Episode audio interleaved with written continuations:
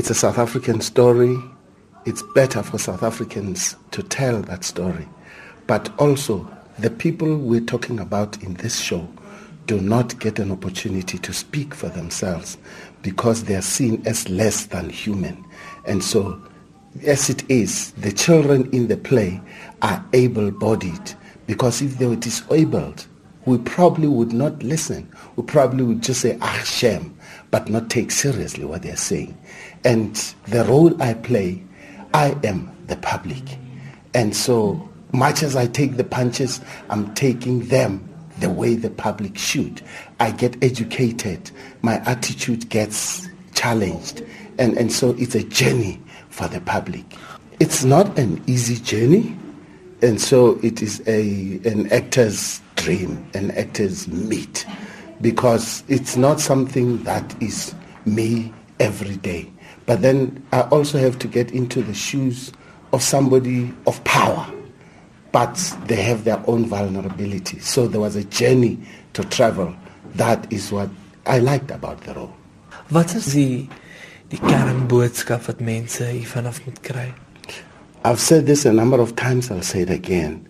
My hope is that if 10% of people leave this play and they begin to see differently, think differently, do differently, and, and, and act differently out there because of what they saw, what they experienced. This is a journey.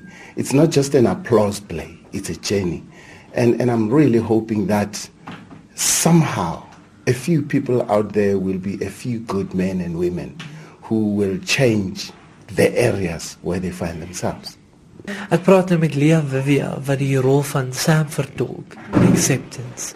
Wat was die moeilikste deel vir jou om hierdie karakter te vertolk? So, ek dink die regte vraag is wat is nog steeds die moeilikste deel vir jou? Want dis moeilik elke liewe aand. Ek dink want ons sit onsself in die posisie van kinders wat basies deur hulle ma totaal en al verraai is. Ek persoonlik self het ek 'n baie goeie verhouding met my ma. So dis baie moeilik om vir myself om my eie self in te dink in 'n situasie waar 'n ma of 'n moeder wat vir my alles beteken in die wêreld heeltemal teen my draai en besluit om eerder my lewe te vat want my lewe is te moeilik op haar eie. So ek dink dit is my die moeilikste ding om te verstaan en om te kan uitbeeld om te, om te kan vertel en ek probeer myself soveel as moontlik in dit in inlewe, maar dit is 'n baie moeilike ding om om heeltemal in te dink wanneer mens bevoorreg genoeg is om 'n goeie verhouding te hê met 'n ouer. Ja. Jy het sopas van die verhoog afgestap. Ja. En hierdie is nog 'n baie swaar stuk. Ja. Hoe voel jy? Aklig. Let's vir 'n glas wyn.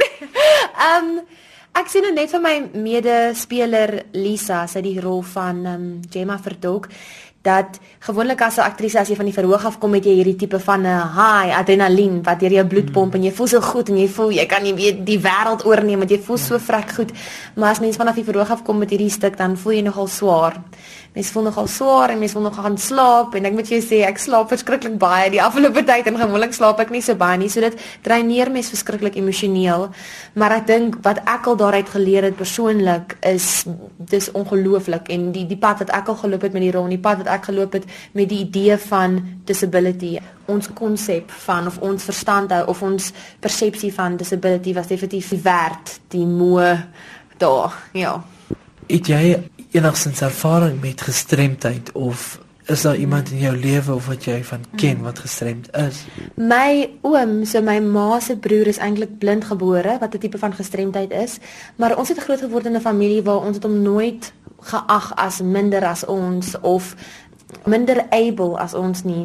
Niels is eintlik sy naam is Niels my oom en hy's eintlik ongelooflik want omdat hy blind gebore is, is hy ander sintuie 10 keer meer ontwikkel as enige van ons sintuie. So ek onthou ons het hom um, toe ek klein was wegkruipertjie gespeel met Niels en van selfsprekend hy kon niks sien nie, maar hy sou ons altyd gevind het binne die eerste 5 minute want hy sou net na ons asemhaling geluister het. En as 'n kind is jou asemhaling 'n bietjie harder as jy opgewonde is en as jy swaaf so um, bangerig is want jy speel wegkruipertjie, maar nog steeds hy het ons altyd gevind in die mees likrake plekke um, kon hy ons vind want hy het net geluister na ons. So ons was altyd so half Niels was ons um, held. Jy weet, ons het opgekyk na hom. So die enigste ervaring wat ek het met gestremdheid is my oom, maar ek het dit altyd gesien as 'n tipe van 'n half amper as 'n as 'n geskenk en dis dis maar net hoe ons groot gemaak is. So vir my om te kan verstaan dat 'n ma haar kind se lewe kan vat omdat die kind gestremd is, dis gaan heeltemal bo my verstand te bowe. So ek kan dit glad geheel en al nie verstaan nie. En dis ook waarmee ek gesukkel het want jy sit met hierdie teks en jy dink by ja. jouself maar hoe hoe op die aarde en my emosies nie huil nie want my my karakter Sam sy's baie baie hartseer en sy raak baie hartseer maar ek persoonlik Lia Dis net ek wil huil as ek dit hoor nie. Ek raak net so kwaad en ek voel so of maar hoe hoe kan jy eh, 'n ding wat jy in jouself dra vir 9 maande lank wat jy aan geboorte gee, hoe kan jy daai kind se lewe wegneem net omdat daai kind nie normaal is as wat ons dink normaal moet wees nie? En so te sê verskonings ook daarvoor ja, maak. Ja, presies, presies. En te sê dat dit nie my skuld is nie. Te sê dat o, jammer, maar hulle sou in elk geval dood gegaan het, so ek kan hulle maar net sowel vroeër doodgemaak het. Omdat jy so hieroor voel, hoe vereensgewig jy jou dan met jou karakter?